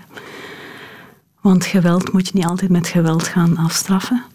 Ook omdat het in deze heel moeilijke situatie het niet altijd heel duidelijk is van wie nu eigenlijk de opdrachtgever was. Er zijn aanwijzingen, er zijn geen bewijzen. Dus om dat nu goed te keuren, dat zou ik nu zelf persoonlijk niet doen. Ieder mag dat voor zichzelf doen. Het is vooral een, een opgave, denk ik, om te communiceren. En we hebben heel veel technische middelen om te communiceren, maar echt praten met elkaar doen we niet. En nu gaat het over praten binnen een gespannen politieke situatie. Dus het maakt het nog zoveel moeilijker en zoveel delicater. Het gaat over mensen die betrokken worden. Het gaat over de ene mens die gezaghebber is over een ander. En die ander voert taken uit, niet altijd helemaal goed wetende waarom, waartoe, wat de gevolgstrekkingen kunnen zijn. Dus dat maakt het zo moeilijk. Is wereldvrede een illusie? Wat we weten is dat de mens niet volmaakt is. De mens is niet gemaakt om volmaakt te zijn. Dus wereldvrede is misschien inderdaad een stap te ver. We zullen altijd, denk ik, spanningen voelen. Denk maar al binnen een eigen huisgezin heb je het al moeilijk om te aanvaarden dat een ander anders is. Het is zoveel gemakkelijker om te praten met iemand die hard op jou lijkt. Laat staan dat we dat extrapoleren op een ganse wereld. Dus volledig in vrede, denk ik, dat is een illusie, maar wel het aanvaarden tot op een bepaalde, hopelijk te hoge, hoog niveau. Wat is dan het codewoord, denk je? Is dat toenadering, begrip, uh, Ja. empathie? Empathie, leren verstaan, het luisteren naar elkaars cultuur en dat voor een stukje absorberen. Ik zeg niet nadoen, maar wel absorberen. Leren verstaan vanuit welke geschiedenis zijn zij gegroeid. Want uiteindelijk zijn onze geschiedenissen zijn anders, maar toch ook weer verweven met elkaar. Hè. Jouw geschiedenis is anders dan die van mij, maar ergens hebben we nu daarnet al ontdekt, zitten er ook raakpunten tussen. Hè. Heel veel zelfs. Naar dezelfde school geweest. Ja. Hè, En dus mijn geschiedenis lijkt misschien los te staan van de geschiedenis van de mensen in Syrië. Maar mijn toekomst zal altijd bepaald worden door de toekomst van wat er nu gebeurt in Syrië. Want ik ken het verhaal. Dat verhaal is een stuk van mij geworden. Dus hoe mijn toekomst er zal uitzien, is onlosmakelijk verbonden aan wat er gebeurd is in Syrië. En misschien zie je daarvan niet onmiddellijk de voetafdruk, maar ze is er wel. Jij neemt een voorbeeld aan een collega van jou, hè? Maya Vukovic. Vukovic. Wat doet zij ja. precies? Wel, Maya is lange tijd, eh, heeft lange tijd bij mij op bureau gezeten en zij heeft, ehm, ze is van Servië en heeft eigenlijk gedurende die bombardementen daar, heeft ze en gestudeerd en heeft ze ook de zorg op zich genomen van haar gehandicapt nichtje. Het is ongelooflijk knap hoe ze zoiets heeft gedaan. Dus ze draaide shiften mee met het gezin in de zin van acht uur studeren, acht uur slapen, acht uur voor mijn nichtje zorgen. Gelijk in welke omstandigheden. Dus het, het studeren kon zijn terwijl dat er een bom boven u viel. Hè. Dus en ze probeerde dus en haar droom waar te maken om als meisje te mogen studeren, te kunnen studeren binnen die beperkte mogelijkheden. En heeft altijd een enorme liefde gehad voor haar nichtje.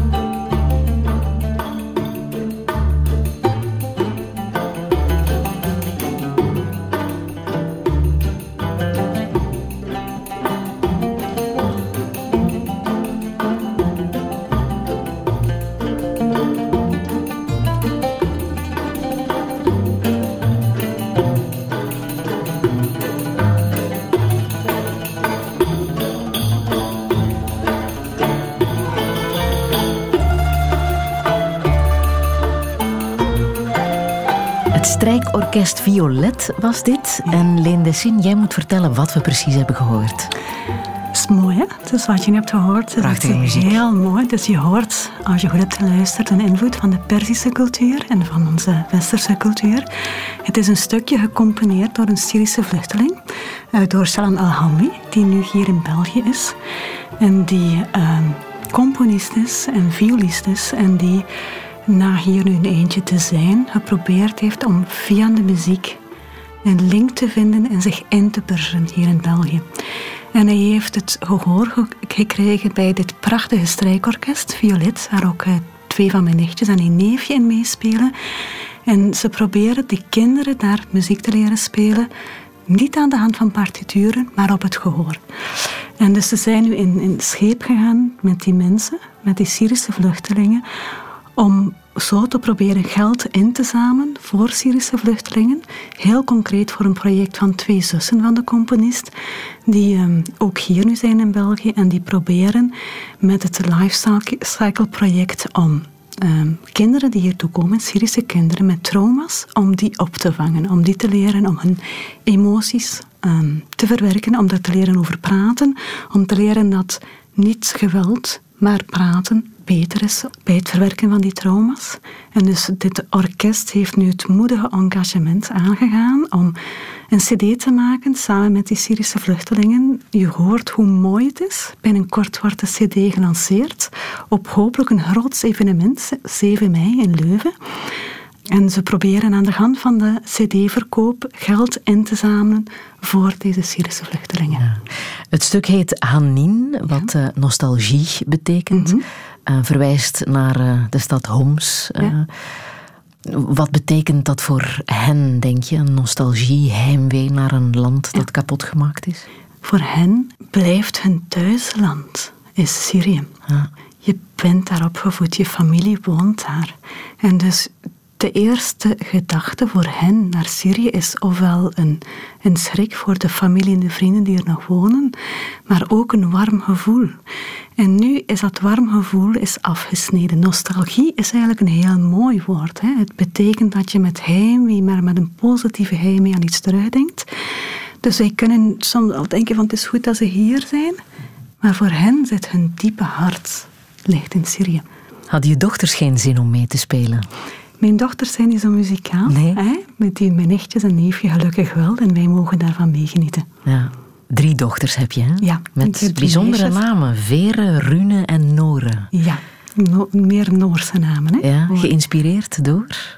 Door eh, het horen van een naam die je zelf mooi vindt. Dus Vera, Runa, Nora zijn eigenlijk de officiële Noorse namen. En wij hebben daar eigenlijk Vera, Rune, Nora van gemaakt. Ehm, ik hoor ja, graag de warme klanken binnen deze korte namen. Ja. Hoe verliep hun geboorte? Moeilijk. Eentje, de oudste, heeft een normale geboorte gekend. Sferen, bij Rune en Noor is mijn placenta telkens gescheurd. Bij Rune was dat niet levensbedreigend, was een scheur ver genoeg van de navelstreng. Bij ons Noortje is die is doodgeboren. Ehm, die haar, eh, daar was de scheur zo dat ze heel veel bloed had verloren in de, toen ze nog in de baarmoeder zat. En haar bloedvolume was zo laag dat ze niet levensvatbaar was. Dus ze is op die manier geboren. Ze hebben haar onmiddellijk meegenomen en getracht om haar te reanimeren. Dat is gelukt, hè? want ze is er nog. Maar we zijn door heel moeilijke wegen gegaan. Want die dokters hebben moeten heel vaak beslissingen nemen op een manier dat ze... Het was het eerste geval in België zo. Dus ze hadden, het kind is geboren met te weinig bloed. Dat gebeurt nog wel, maar dan moet je eigenlijk aan de hand van een diagnostiek beslissen hoe je zo'n kind letterlijk opvult. Je vult het op met een synthetisch product of met ander bloed. Dus het is bij haar met synthetisch product geweest. Maar elk van die producten heeft een voor- en een nadeel. Je hebt geen seconden om na te denken, je moet een beslissing nemen. Dus ze heeft daarna een aantal longbloedingen nog gedaan, waarschijnlijk als reactie op ehm, alles wat er is gebeurd. Eh, we hebben een paar keer ehm, specialisten gehad, die zijn overgekomen met de helikopter om diagnoses te stellen. Maar ze is er, dankzij de wetenschap, is ze, is, is een van die heel mooie bewijzen die toont hoe goed de medische wereld kan werken. En vertrouwen moet je ook hebben dan, hè? In de wetenschap op zo'n moment, denk ik. Ja, je moet vertrouwen. Het, het is volledig uit is jouw handen. Er is geen alternatief. Gelukkig in de familie ook zijn we redelijk... eh, Op dat moment waren we redelijk rustig. Ik denk dat er zoveel op u af, afkomt dat je eigenlijk minuut per minuut leeft. We hadden ook nog de twee andere kleine kinderen bij ons. Hè. Ik zelf ben ook eventjes weg geweest tijdens die geboorte, omdat alles zo snel moet gaan. Krijg je een te, groot, te grote hoeveelheid verdoving. Dus dan ga je ook eventjes in eh, flatline. En voor mijn man was het erg, voor mij niet. Dat gebeurt zomaar. Ik heb het moeilijk gehad om het te leren aanvaarden in de zin dat het een falen is van je lichaam. Hè? En we leven in een cultuur dat we allemaal vrolijk en blij en opgewekt zijn. En we kunnen alles en we denken dat we alles kunnen. Maar dat lichaam toont u dat het niet zo is. En, en ergens had ik een bepaald, of soms een schuldgevoel naar die kinderen toe. Want je weet dat zo'n geboorte ergens ook al iets nalaten bij je kind. Soms beter definieerbaar dan anders. En dat maakt het niet altijd gemakkelijk. Hoe gaat het nu met haar? Goed, goed. Dat is een heel vrolijke meid. Een, eh, een heel normaal schoolmeisje. Wat moeite met concentratie.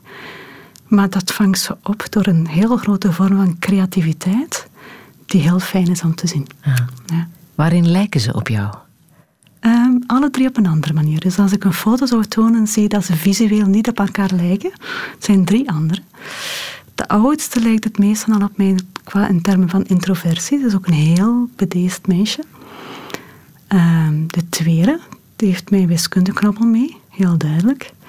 En de derde lijkt visueel het meest al op mij. Ook op sportief vlak heeft ze mijn ehm, gave, als ik het zo mag zeggen, mee.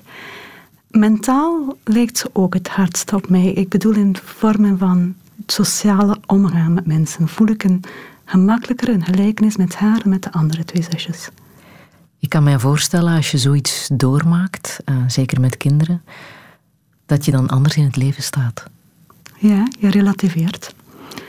Je relativeert heel veel dingen. Nu, op dat moment, of daarna, zeg je kort daarna, zeg je heel snel van ach, er zijn zoveel dingen die voor mij niks meer maken, die niet belangrijk zijn.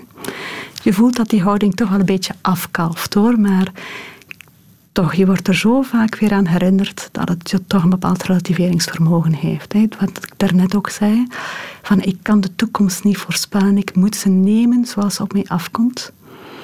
Iedereen wenst zijn eigen kinderen een heel mooie toekomst toe.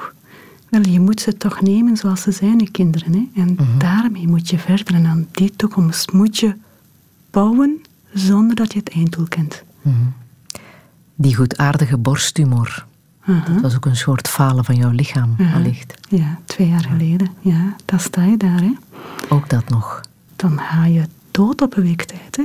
Je weet dan dat er een knobbel zit. Dan moeten ze gaan naar een punctie. En dan moet je die dagen afwachten om te weten of het goed of kwaadaardig is. Hoe heb je die dagen doorgemaakt?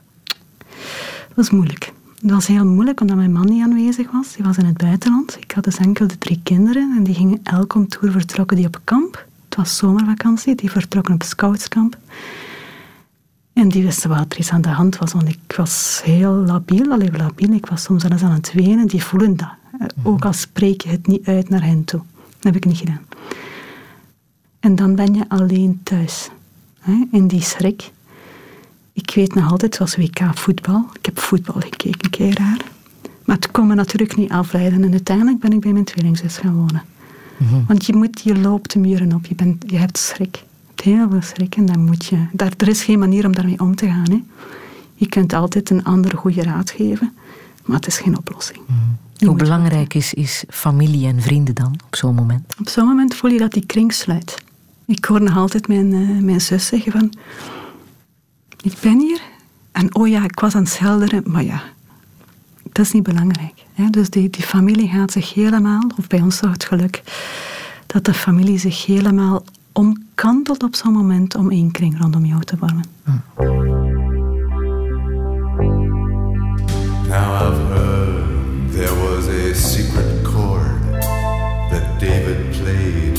and it pleased the Lord. But you don't really care for music, do you? It goes like this the fourth, the fifth, the minor fall, the major lift,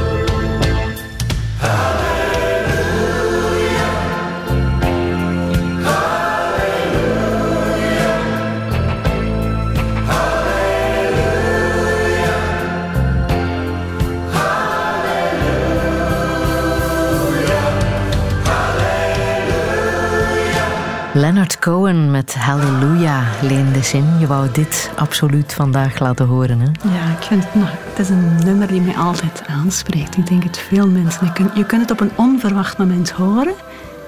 En dan zit het in jou. Hè? Het manier, de manier waarop het aanspreekt. De manier waarop dat die halleluja wordt gebracht. is heel mooi. Wat betekent dat voor jou, Halleluja?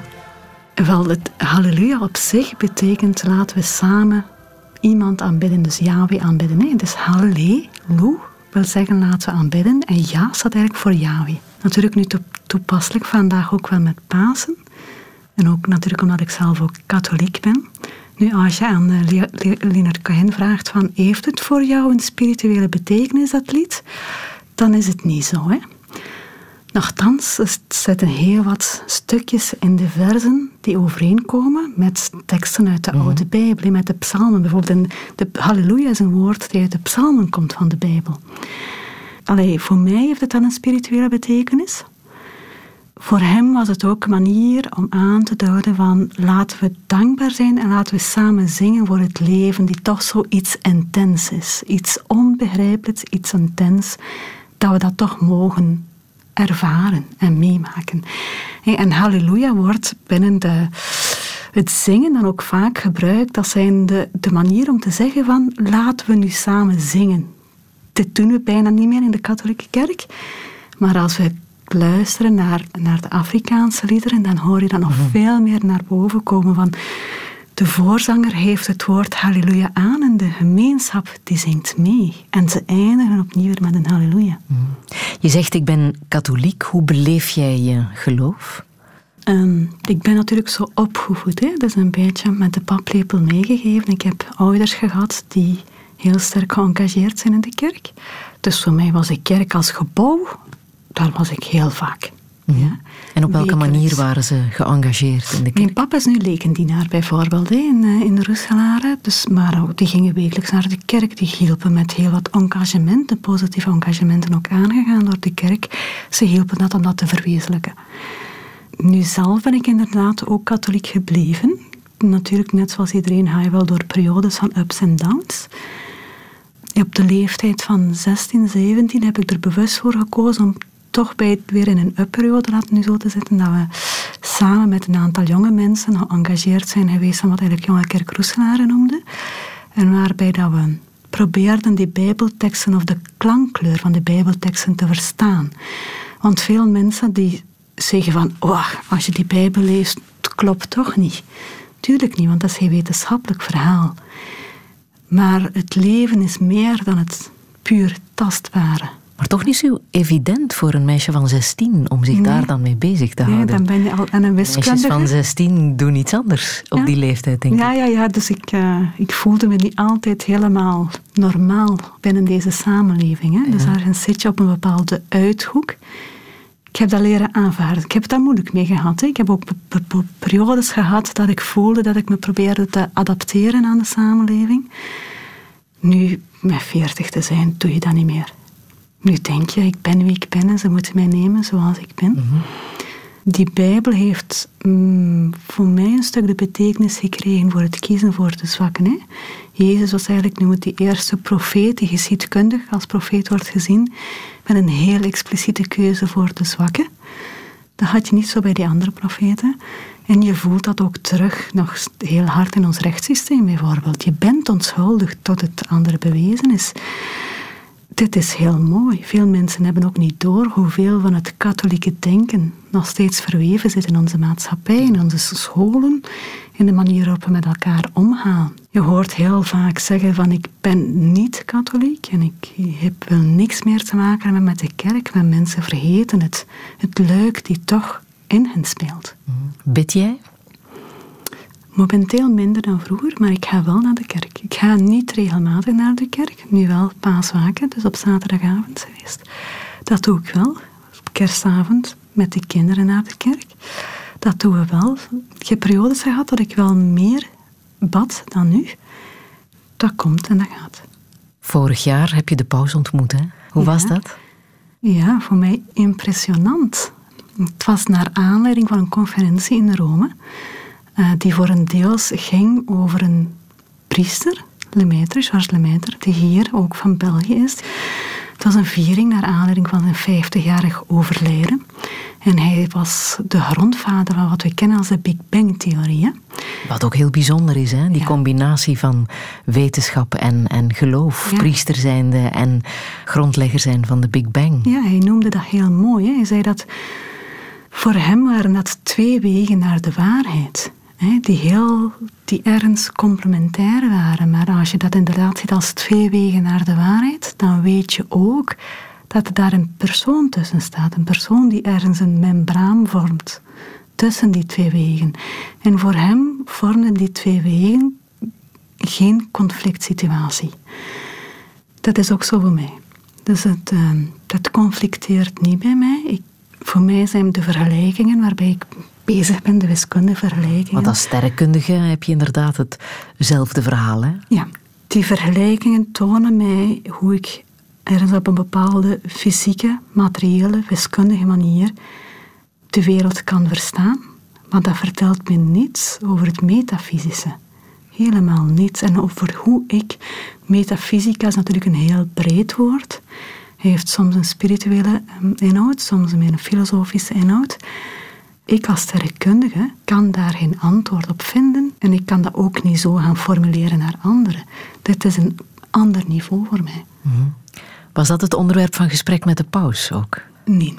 De paus heeft ons eigenlijk eerst een, eh, een toespraak gehouden. We waren er eigenlijk met de wetenschappers, met nogal Nobelprijswinnaars ook, vanuit verschillende wetenschappelijke disciplines aanwezig, die eigenlijk aan het nadenken waren over, onder andere over de energievoorraad in de wereld. En hij gaf eigenlijk, dus we zaten daar eigenlijk samen met mensen van over de wereld, maar katholieken en niet-katholieken, protestanten, alles door elkaar. Dit is het mooie van onze paus. Hè. Hij neemt iedereen zoals ze zijn. Je mag zijn wie je bent, maar werk vooral, dat was zijn boodschap, doe de dingen waarin je goed bent. Dus jullie wetenschappers, gebruik jullie kennis om de wereld te verbeteren, onafhankelijk van hoe je in je geloofswereld staat. En hij is ook de persoon die dat eigenlijk op een heel mooie manier vertolkt, op een heel eenvoudige manier, maar ook op een begeesterende manier. Ehm, en dan achter, daarna konden we eventjes persoonlijk ook met de paus spreken. Maar dat was maar kort. Dat, waren, dat zijn enkele minuutjes waarop ik dan een paar dingen heb eh, gevraagd aan de paus. En wat zeg je als mensen jou vragen ehm, wat nu aan de oorsprong van ons leven staat? Of dat God is of eh, de Big Bang? Dat zijn twee aparte vragen.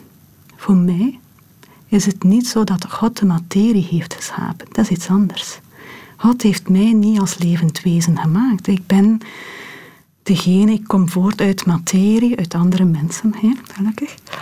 En dat is niet voor mij God. God heeft niet deze wereld gemaakt. Nee. Wie of wat is God dan wel voor jou? God is voor mij een denkbeeld of een beeld die ik gebruik als ik nadenk over wat er buiten het materiële bestaat, buiten het fysische, hoe ik daar een bepaalde vorm kan aan geven. Het is heel moeilijk om dat te definiëren. Het beeld van God heeft voor verschillende mensen een andere invulling. Voor mij is dat een invulling gekregen binnen een kader omwille van mijn geschiedenis. Een westerse mens binnen een katholiek gezin geboren. Maar ik kan me even goed indenken in een God die voor andere mensen een andere invulling krijgt omdat je bijvoorbeeld in Syrië bent geboren. En voor mij conflicteert dat niet. Kan geloof betere mensen van ons maken? Geloof kan een klankbord bieden om betere mensen van ons te maken. Geloof zou moeten verbinden, maar we weten ook allemaal dat geloof kan vernietigen. Als we denken aan wat er nu gebeurt in Syrië. Omdat geloof kan aangewend worden om heel extremistisch te zijn. Maar Mhm. daar ga ik helemaal niet mee akkoord. Het Vaticaan heeft ook een eigen sterrenwacht, hè? Ja, ja zijn we geweest. Ja, Zijn een van de oudste. Ja, Die, eh, super mooi. Ja? Heel mooi, ja. Dus, eh, we zijn daar op bezoek geweest, ook toen in december. Hebben een bezoek gebracht aan de telescopen bij, bij de Sterrenwacht. Natuurlijk, die ligt niet ideaal, want die ligt te dicht bij Rome, dus te veel lichtvervuiling. Maar het is al een van de oudste plaatsen. maar hoe komt het dat het Vaticaan, uitgerekend het Vaticaan, een eigen sterrenwacht heeft? Ah, maar dat komt omdat er toch heel wat ook pauzen zijn geweest die duidelijk het verschil hebben gezien tussen wetenschap en geloof. Voor niet iedereen was er een conflict situatie tussen wetenschap en geloof. Dit is een van de mooie bewijzen daarvan. Dus we hebben ook pauzen gehad die ehm, hebben gezegd van go your way, you are the scientist. Hè? Bijvoorbeeld, je hebt ook de Pauselijke Academie voor Wetenschappen, staat in C los van het Vaticaan. Vandaar ook dat je daar niet per se katholieken binnen de Pauselijke Academie hebt. Dat is heel, een heel sterke uiting van het, het losstaan en ergens toch weer een bepaalde verwevenheid. Maar ik kan mij voorstellen dat jij toch ook wel commentaar of kritiek hebt op eh, de kerk. Ja. Wat vind je niet anno 2017? Wat vind je niet aanvaardbaar in eh, de huidige kerk? Denk maar aan de rol van de vrouwen binnen de kerk. Wel, die kerk, nu denk ik natuurlijk heel sterk aan het instituut kerk, hè, is niet mee geëvolueerd met onze maatschappij. Hè. Het voorbeeld zijn inderdaad de vrouwen of het feit dat priesters niet mogen gehuwd zijn. Daar ga ik helemaal niet mee akkoord. Zo versta ik de Bijbel niet. Dit staat in mijn beleving van de Bijbel staat dat er niet in.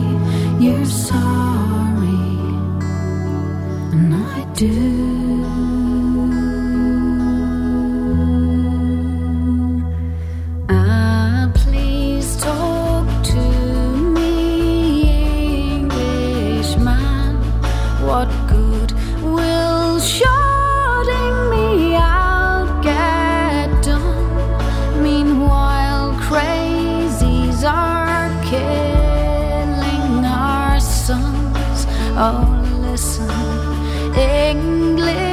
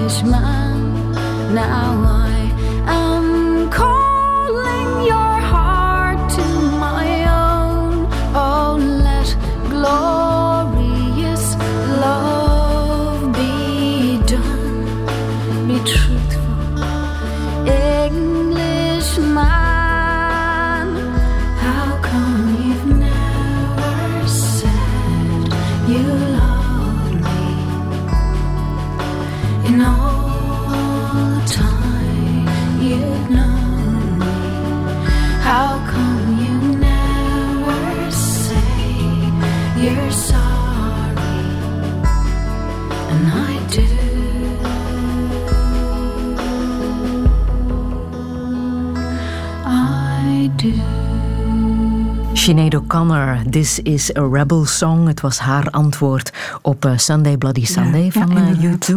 Dat eh, werd aangekondigd als This is not a Rebel Song. Leen de Zin, jij hebt het gekozen. Waarom precies? Omdat het een rebel song is.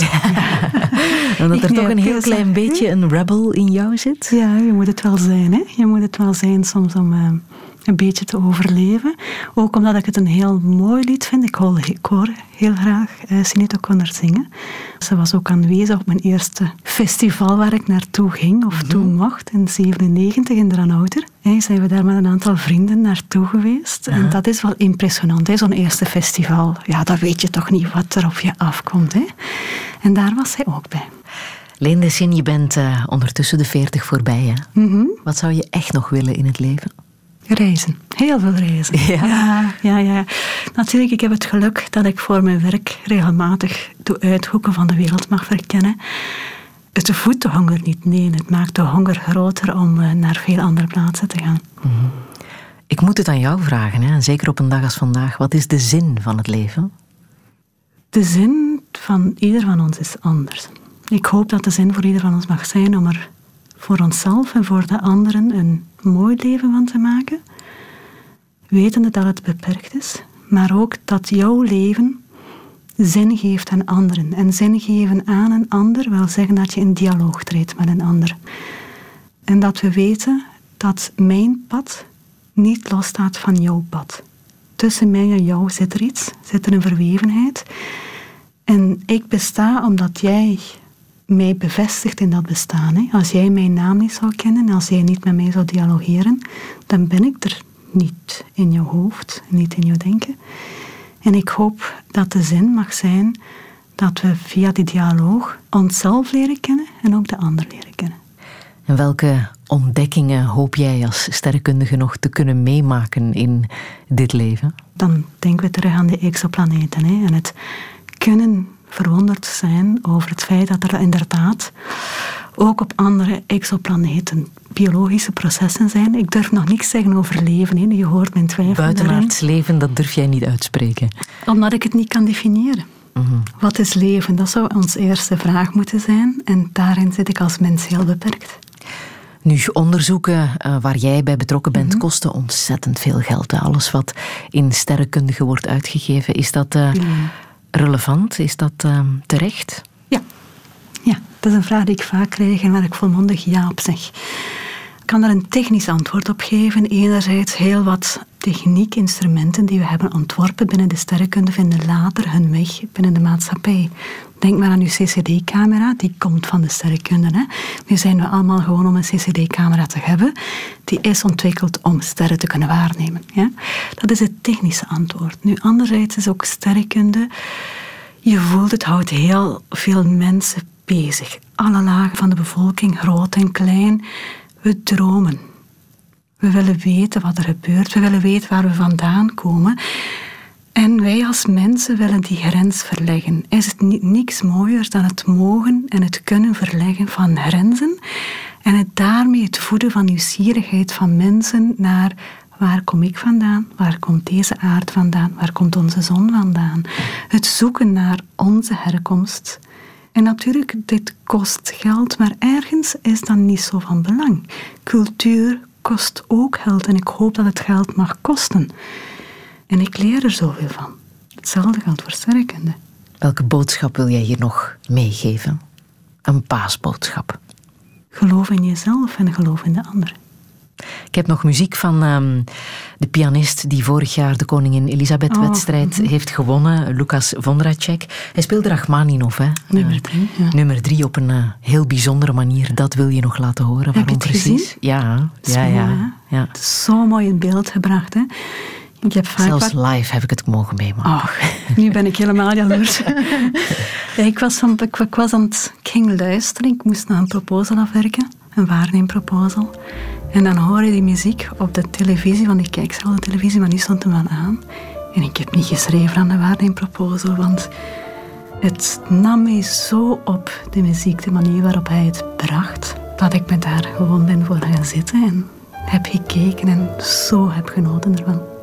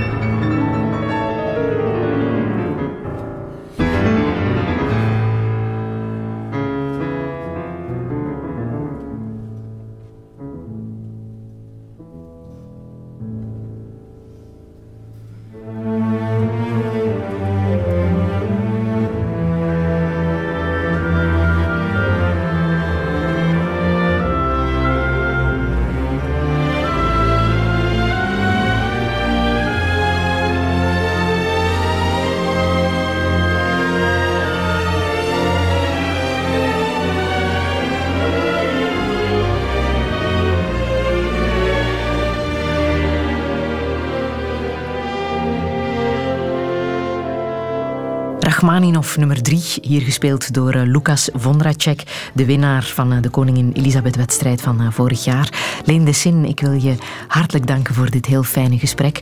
Alle info staat zo meteen na te lezen op onze website radio1.be. Volgende week verwacht ik hier Anne Vierstraat, de directrice van Art Brussels, dat deze week opnieuw zijn deuren opent in Tourne en Taxis.